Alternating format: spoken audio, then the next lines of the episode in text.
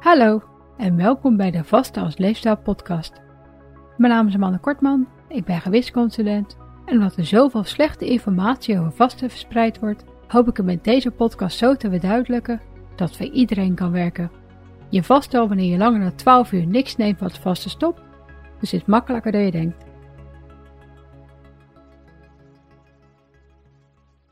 Welkom bij deel 2 van aflevering 31.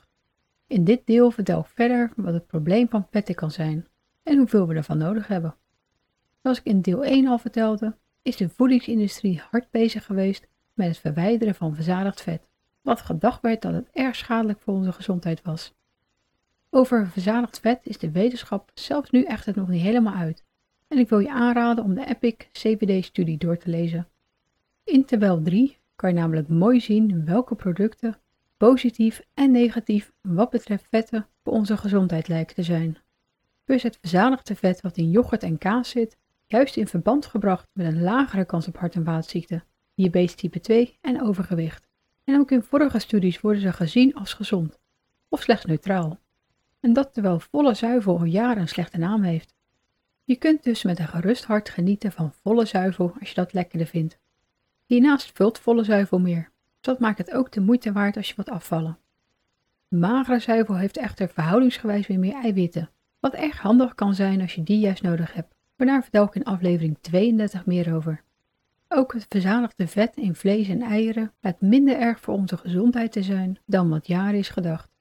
Mits het onbewerkt is en je het bij de standaard porties houdt, zodat ze net als zuivel een goede bron van eiwitten, vitamine en mineralen zijn, die ook nog eens heel goed worden opgenomen. Het advies vanuit het Nederlandse Gezondheidsraad is om maximaal 500 gram het liefst onbewerkt vlees per week te eten, waarvan maximaal 300 gram uit rood vlees bestaat. Onder rood vlees valt het spiervlees van zoogdieren. Je kunt hierbij denken aan het vlees van runderen, varkens, schapen, geiten en paarden, maar ook aan wild, zoals hazen en herten. De reden dat het eten van veel rood vlees wordt afgeraden, is vanwege de hoeveelheid heemijzer die het bevat. Dit is in verband gebracht met het beschadigen van de darmwand. Een heem is in verband gebracht met het beschadigen van ons DNA, waardoor de kans op kanker iets hoger is. Door af en toe een vegetarische dag in te lassen en rood vlees te vervangen voor pulvruchten of eieren, is het echter makkelijk om je aan die maximale hoeveelheid van 300 gram per week te houden. Rood vlees is echter ook weer rijk aan belangrijke voedingsstoffen zoals eiwitten, ijzer, zink en vitamine B12. Dus je mag echt nog wel genieten van een biefstukje hoor. Neem het alleen niet te vaak en ga voor kleine porties. Voor eieren geldt er trouwens geen officiële maximum, dus zolang je niet overdrijft met de hoeveelheid en daardoor te weinig van de andere voedingsstoffen binnenkrijgt, is het geen probleem om ze dagelijks te eten. En om nog even terug te komen op onbewerkt vlees. Hieronder vallen soorten zoals kipfilet, biefstuk, lamsbout en varkenshaas. Vlees dus zonder toevoegingen. Laat de bewerkte worsten en vleeswaren daarom het liefst zoveel mogelijk staan. Deze zijn namelijk onder andere gelinkt aan een grotere kans op dikke darmkanker. Onderzoek wijst erop dat dit vooral wordt veroorzaakt door de toegevoegde nitriet wat ze bevatten. Ook het nitraat wat ze bevatten kan door bacteriën omgezet worden in nitriet, dus nitrietvrije versies zijn daarom niet beter. Nitriet wordt toegevoegd om de houdbaarheid van vlees te verlengen en het zorgt ervoor dat vlees een mooie kleur krijgt, maar voor onze gezondheid wijzen er dus steeds meer onderzoeken op dat het schadelijk is. Het advies is er ook om maximaal 50 gram bewerkt vlees per dag te eten. En minder is natuurlijk altijd beter. Rood en bewerkt vlees worden volgens tabel 3 dus niet voor niks licht negatief voor onze gezondheid geacht. Maar gevogelte, eieren, vis en zuivel, en dan vooral yoghurt en kaas, zijn juist in verband gebracht met een kleinere kans op onder andere hart- en vaatziekten. Als ze dus allemaal in de aangeraden porties in je standaard eetpatroon zitten, kunnen ze in principe compenseren voor elkaar. Al het echte eten bevat tenslotte belangrijke voedingsstoffen. En het is en blijft belangrijk om naar je gehele eetpatroon te kijken en hier lekker in te variëren, zodat je van alles genoeg binnenkrijgt. En ben je iemand die uit principe geen dierlijke producten neemt? Let dan extra goed op de vetten die je binnenkrijgt in de vervangende producten.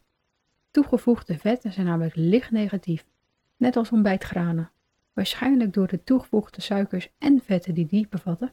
Maar noten, pitten en zaden zijn juist positief voor de gezondheid, dus die kunnen hier weer compenseren voor elkaar. Waarom toegevoegde vetten licht negatief kunnen zijn, wordt niet verduidelijkt. Maar ik vermoed dat het te maken heeft met in hoeverre sommige oliën, zoals zonnebloemolie, bewerkt moeten worden om er een zinnig product van te maken. Gezien de porties die we er tijdens het koken van gebruiken, zal het niet snel een probleem worden. Maar gezien de hoeveelheid waarmee het in de voedingsindustrie gebruikt wordt wel. Bijna alle standaard bewerkte producten, zoals koek, gebak, sauzen, snacks, maar ook bijvoorbeeld ontbijtgranen, bevatten deze zeer bewerkte oliën, die rijk zijn aan omega-6. Hierdoor is het dus makkelijk om er te veel van binnen te krijgen, wat kan zorgen voor een verkeerde verhouding tussen omega-3 en 6 vetzuren. De optimale verhouding tussen die twee is tot 5 keer zoveel omega-6 dan 3, maar velen zitten aan de 15 keer zoveel omega-6 als 3, waardoor je simpelweg te weinig omega-3 binnenkrijgt. Onder de omega-3 vetzuren vallen alpha-linoleenzuur, beter bekend als de plantaardige ALA-vetzuur, en de vooral als visvetzuren bekende eicosapenta-1-zuur, oftewel EPA, en docosahexaene-zuur, oftewel DHA. En ik hoop dat ik ze goed heb uitgesproken. Omega-3 kan je terugvinden in bijvoorbeeld vette vis en in mindere mate in lijnzaad, avocado, walnoten, zaden en pitten. EPA en DHA kan je soms terugvinden in eieren en vlees. Dit is echter afhankelijk van het voer wat de dieren hebben gekregen.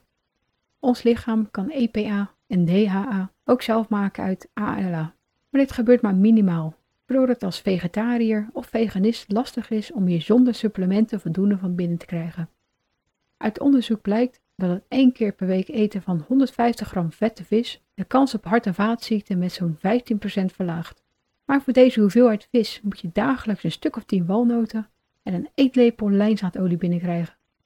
Een omega-3 algeolie supplement kan dan een handige toevoeging zijn. Onder de omega-6 vetzuren vallen linolzuur, ook wel bekend als LA, arachidonzuur, ook wel bekend als AA, en gamma-linoleenzuur, ook wel bekend als GLA. Omega-6 kan je vooral terugvinden in plantaardige oliën, zoals zonnebloem, maïs en sojaolie, in margarine, halverine en bak- en braadproducten en natuurlijk in alles wat ermee gemaakt wordt. Omega-6 komt daarom vaak voor in bewerkte voeding. Maar de omega-6 linolzuur is echter net als omega-3 vetzuren een essentieel vetzuur die ons lichaam niet zelf kan maken, waardoor je omega-6 niet helemaal hoeft te vermijden. Het zit tenslotte ook in gezonde noten, zaden en pitten, dus probeer je vetten, net als je koolhydraten, uit zo natuurlijk mogelijke bronnen binnen te krijgen, zodat de verhoudingen zo gezond mogelijk blijven. Deze bevatten namelijk ook nog andere vetten en natuurlijk vezels, eiwitten, vitamines en mineralen. Omega-9 is een minder bekend vetzuur en hoewel dit geen essentiële is, zie je hem vreemd genoeg vaak terug in supplementen. Meer is echt niet beter. Een vult supplement zijn sowieso onnodig, tenzij je bewezen tekort hebt of kan krijgen vanwege een aandoening of ziekte, je medicatie, je medische dieet of omdat je in een risicogroep valt. Omega-9 kom je vooral tegen in olijfolie en noten en is als supplement dus alleen maar geldverspilling. Goede olijfolie is dat trouwens niet, aangezien een goede extra vierge variant rijk is aan antioxidanten, waardoor het in verband is gebracht met een verminderde kans op onder andere hart- en vaatziekten, diabetes type 2, Alzheimer en kanker. Het is natuurlijk niet voldoende om overal maar olijfolie op te gieten, want het positieve effect zal ook deels door een mediterrane dieet komen, wat de veel gebruikers van olijfolie ook vaak eten. Dit is namelijk rijk aan andere gezonde voeding, zoals groenten, fruit, noten, pulvruchten, volkoren granen, vis en kip. En om nog even terug te komen bij de bewerkte plantaardige olie en vetten. Tijdens de productie hiervan kan de stof 3-monochloropropaan 1,2 diol ontstaan. Dit wordt afgekort tot 3-MCPD. Het is nog onbekend hoe schadelijk dit is, maar het is volgens de RIVM wel gelinkt aan nierproblemen. Voedingsmiddelen die hoge gehalte van 3-MCPD kunnen bevatten zijn margarine, sauzen, koffiecreamers en bakkerswaren, waardoor ik je wil aanraden om hier zo min mogelijk van te nemen. Gelukkig hebben deze producten sowieso een voedingswaarde van 0, waardoor je ze makkelijk kunt vermijden of in ieder geval kunt minimaliseren als je verder gewoon gezond eet. Helemaal vermijden hoeft niet. doe ik zelf ook niet, aangezien ik ook nog wel eens een sausje bij de maaltijd neem. Maar let er voor de zekerheid op dat ze onder de uitzonderingen vallen en dat je ze niet dagelijks binnenkrijgt. Ook over verzadigd vet ben ik nog niet helemaal uitgepraat. Het werd, zoals ik in deel 1 al zei, in de jaren 40 gelinkt met een verhoogde kans op hart- en vaatziekten, maar ook met ongezonde cholesterolwaarden. Deze link wordt door de jaren heen echter steeds zwakker als je kijkt naar het verzadigde vet wat van nature in voedsel voorkomt. Er lijkt dan ook een verschil te zijn met wat er van nature in zit en wat wordt toegevoegd aan bewerkt voedsel. En een ongezonde leefstijl, waarbij je vooral ongezond eet met veel toegevoegde suikers en vetten en met weinig beweging, wordt dan ook steeds sterker in verband gebracht met ongezonde cholesterolwaarden. Hierdoor is het voor velen al genoeg om hun leefstijl te verbeteren om hun cholesterolwaarden weer gezond te krijgen. Gezond eten, verstandig vasten, voldoende bewegen, niet roken, zo min mogelijk alcohol drinken en stressvermindering kunnen hier allemaal bij helpen. Als je de erfelijke vorm van een verhoogd cholesterol hebt, kan het lastig zijn om je waarde gezond te krijgen. Maar er zijn vasters die in overleg met een arts met een medicatie hebben kunnen minderen en soms zelfs stoppen. Doe dit natuurlijk echt alleen in overleg met je arts, want het blijft onduidelijk hoe schadelijk verhoogde cholesterolwaarden zijn. En over cholesterol gesproken. Ik zal nog even kort uitleggen wat het verschil tussen HDL en LDL-cholesterol is. HDL en LDL zelf zijn de eiwitten die als eiwitlaagje cholesterol vervoeren. En als ze om een druppel cholesterol zitten, noemen we dit HDL of LDL-cholesterol. LDL-cholesterol wordt altijd versimpeld tot de slechte cholesterolwaarde. LDL vervoert cholesterol via het bloed naar de rest van ons lichaam, waar het bijvoorbeeld nodig is voor het herstellen van beschadigingen in weefsels. Dit is natuurlijk hartstikke goed, maar een teveel aan LDL-cholesterol kan blijven plakken in de binnenwand van onze bloedvaten, als deze beschadigd zijn door bijvoorbeeld de hoge bloeddruk.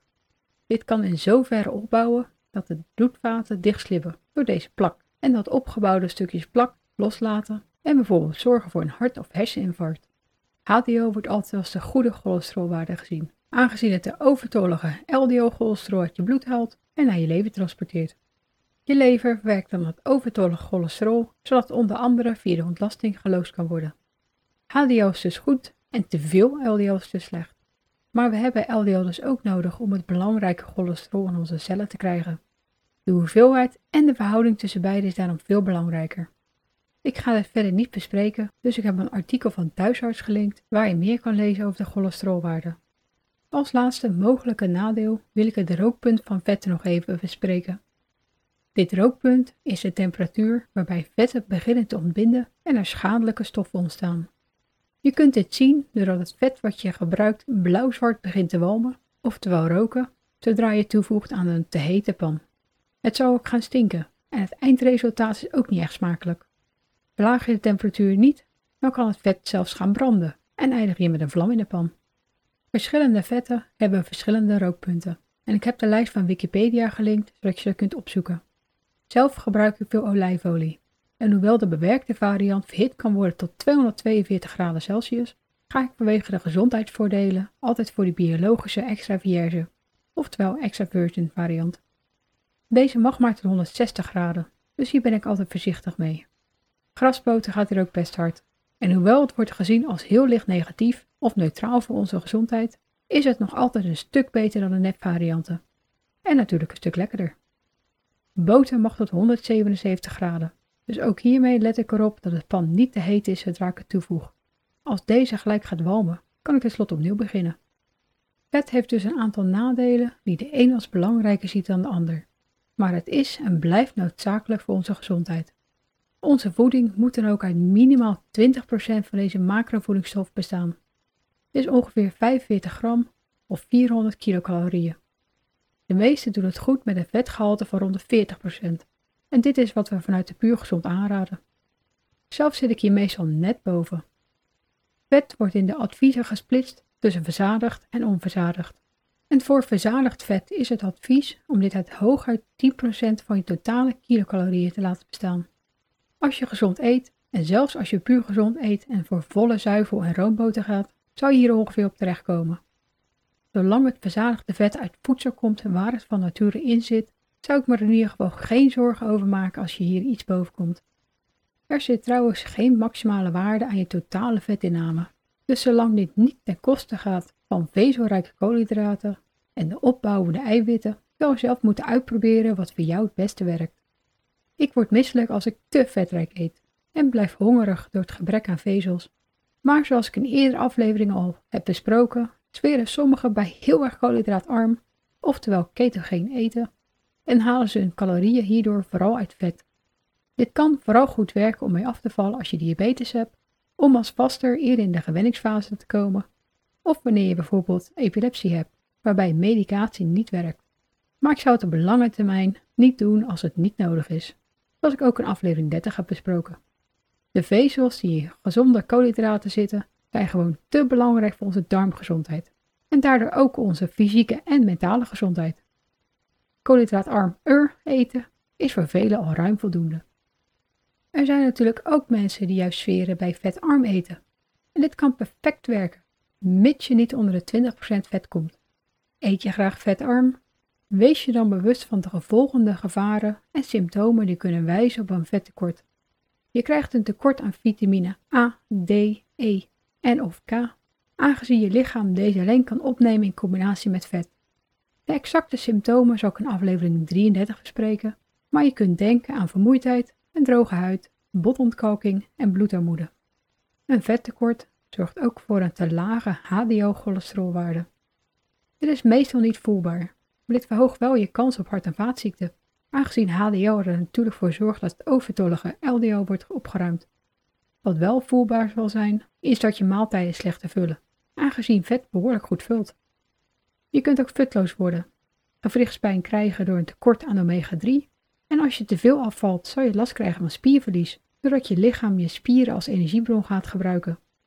Vet is nou eenmaal nodig voor veel belangrijke lichamelijke functies, dus eet niet te vetarm. Eet ook weer niet te vetrijk, want hoewel vet relatief goed vult, zou er toch van aankomen als je er wel heel erg veel van neemt. Ik hoop dat de misverstanden over vet nu wat meer opgehelderd zijn. En het is natuurlijk het gezondste om ze vooral echte voeding binnen te krijgen. Zoals ik net al zei, werkt 40% voor velen. Maar als je hier net onder of boven zit, je goed voelt en je gewicht stabiel blijft, dan zou dit geen probleem moeten zijn. In aflevering 32 bespreek ik de macrovoedingsstof eiwitten.